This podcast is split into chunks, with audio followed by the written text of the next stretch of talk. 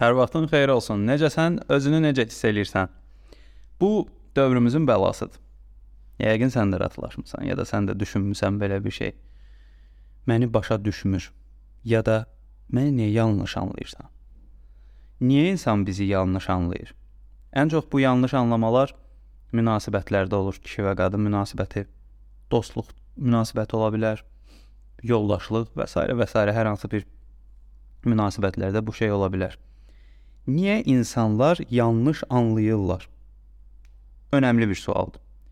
Bir şəkildə özümüz buna bir cavab tapırıq, amma cavab nə dərəcədə doğrudur yoxsa yox? Əslində burada doğru və yanlış cavab yoxdur. Niyə? Çünki subyektiv cavabların mütləq doğruluğu və mütləq yanlışlığı yoxdur. Bu sənə görə, mənə görə, ona görə belədir. Bu baxımdan subyektiv olan məsələlər həmişə problemə səbəb olur. Məsələn, insanlar heç zaman kvadratın dörd tərəfi bərabərdir söhbətinə görə mübahisə eləməzlər. Amma o kvadratın üzərinə bir ideologiya əlavə elə, torpaq anlayışı gətir, həmin o ideoloji prosesi yarat və ona görə qırğın düşsün. O desin sən səhvsən, bu desin sən. Və dolayısıyla subyektiv məsələlər ortaya çıxdığı zaman mütləq doğruluğu tapa bilmirsən və Bu da böyük sıxıntılara səbəb ola bilər. Tamam. Subyektiv tərəfi başa düşdük, amma indi bu yanlış və doğru məsələ nədir? Birinci sözün özünə baxmaq lazımdır. Yanlış anlamaq. Anlamaq nədir? Başa düşmək. Yəni sənin dediyin fikirləri qarşıdakı insanın sənin istədiyin kimi başa düşməsi. Anlasın məni dediyim şey bax budur. Bu dolayısıyla mümkün deyil. Çünki insanlar bizim istədiyimiz kimi yox, öz istədikləri kimi başa düşürlər. Dolayısıyla bir şey, bir insana bir şeyi anlatmaq, başa salmaq üçün öz dilimizdə onun istədiyi formada demək daha effektiv rol oynayır.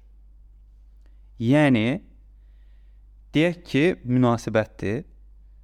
Münasibətdə olduğun xanımdır məsələn. Xanıma deyirsən ki, sən bu gün nə gözəl olmusan ümumi bir fikir. O çox sağ ol da deyə bilər və ya deyə bilər ki, dünən pis idim ki, o günlərim pis idim ki, sən deyərsən yox, yox pis deyildin, sadəcə qəşəng olmusan da, qəşəngliyi deyirəm. O da deyəcək mən həmişə qəşəngəm, onsuz da. Belə mübahisəli situasiya yarana bilər, yaranmaya da bilər. Yəni ehtimal var ki, mübahisəli situasiya yaransın. Amma desən ki, sən həmişəki kimi çox gözəlsən, of, bax bu oturacaq da söz. Niyə? Çünki Zaten sən sevgilinin gözəl olduğunu vurğulamaq istəyirsən, amma həmişəki kimi ifadəsini əlavə etdiyin zaman orada bir buffer zona yaranır və bu buffer zona qarşı tərəfə imkan verir ki, sənə başqa bir fikir bildirməsin, təşəkkür eləsin. Məqsəd onun gözəlliyini vurğulamaq idi. Birincidə sıxıntılar yarana bilər, yaranmaya da bilər. Amma ikincidə demək olar heç bir sıxıntı yaranmayacaq. Həmişəki kimi çox gözəlsən. O decə, "O, çox sağ ol, təşəkkür edirəm." və mövzu bitəcək. Məsələ yəni burada yenə də gəlir çıxır ki, ə, öz istədiklərimizi qarşıdakının istəklərinə uyğun şəkildə çatdırdığımız zaman o onu anlayır. Bax, sən məni başa düşmürsən, anlamırsan ifadəsindəki bu qısa cavab budur, anlamaq. Çünki sən qarşıdakının istəyinə uyğun demirsən. Biz də niyə onu deyə bilmirik? Travmalarımız ola bilər, mental qəliblər, nitqimiz zəif ola bilər. Bəzən duyğularımız daha çox, məntiqi tərəflər daha az ola bilər. Bəzən əksi ola bilər və s. və s. şeylər ola bilər. Amma mən düşünürəm ki, münasibətdə müzakirələr bir vərdişdir. Münasibətdə olan müzakirələrin hamısı bir vərdişdir. Sən necə müzakirə etməyə vərdiş edirsənsə, həyatın da bu formada şəkillənə bilər. Məsələn, dostluq münasibətində olan adamlara həmişə deyirəm ki, dostlarınızla söyüşlə zarafat eləməyin. Bu ciddiyyəti itirir. Niyə münasibəti zədələyir? Adiləşirsən. Hə, zarafat, hə, hə, elədin, adi bir şey kimi oldu. Bir dostluq anlayışı bir dəyər olmalıdır. Orda söyüşə yol verilməməlidir. Ona görə söyüşlə zarafat eləyən çox adamlar bir-birini çox da ciddiyə almırlar. Bu məsələ də var. Bəs yanlışlıq və doğruluq nədir? Biz nəyə əsasən deyirik bunu?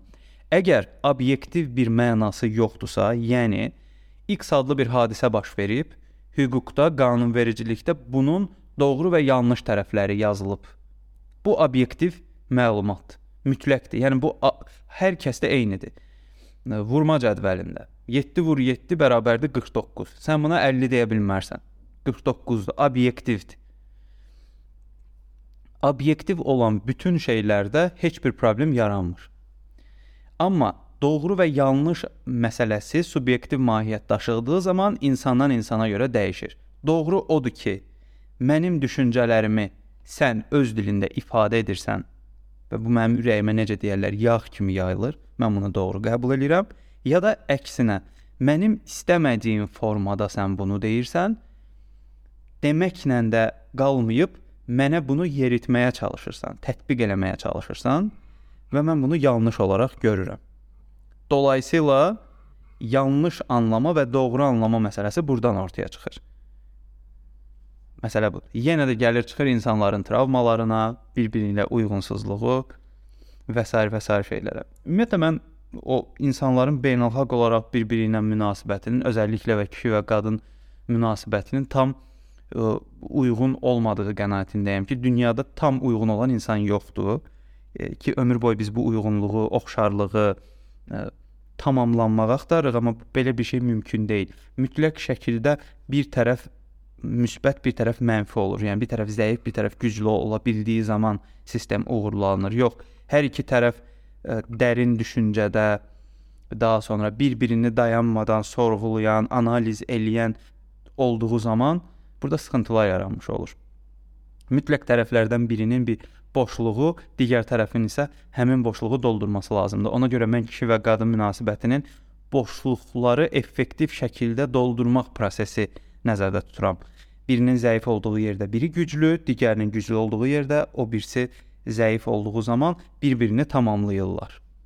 Və o boşluqlar avtomatik olaraq dola bilir və bu məsələ uzun müddət davam edə bilər. Ona görə doğruluq və yanlışlıq anlayışları subyektiv olaraq ortaya çıxır. Heç kim mütləq olan, obyektiv olan şeylərə görə mübahisə eləmir, amma hə, bir həyatla bağlı, bir mücərrəd bir şeylə bağlı fikir bildir, qırığın düşsün orada. Ona görə də sən məni başa düşmürsən, məni səhv anladın e, ifadələr ortaya çıxır. Bu arada mən bunu təlimlərdə və kimlənsə müzakirə etdiyim zaman artıq qarşıdakı insana e, sən məni başa düşmürsən demirəm. Deyirəm, izah eləyə bildim və yaxud fikrimi izah eləyə bilmədim. Bu şəkildə deyirəm. Yəni öz üzərimə götürdüyüm zaman sistem daha yaxşı işləmiş olur. Yəni işin o keywords deyirlər də açar sözü qarşı tərəfin istədiyi formada, amma öz dilimizdə, öz istədiyimiz dildə çatdırma, dəqiq çatdırma prosesi yanlış anlamamağa səbəb olacaq. Yox, bunu eləyə bilmiriksə ömür boyu yanlış anlaşılacağıq. Bunu yadda saxlamaqda fayda var. Belə. Düşünürəm ki, izah edə bildim. Sualların olsa mənə yazmağı unutma. Həmişə hər zaman sənə səni doğru anlayan insanların olmasını arzulayıram. Növbəti podkastda görüşərik. Özünə yaxşı bax.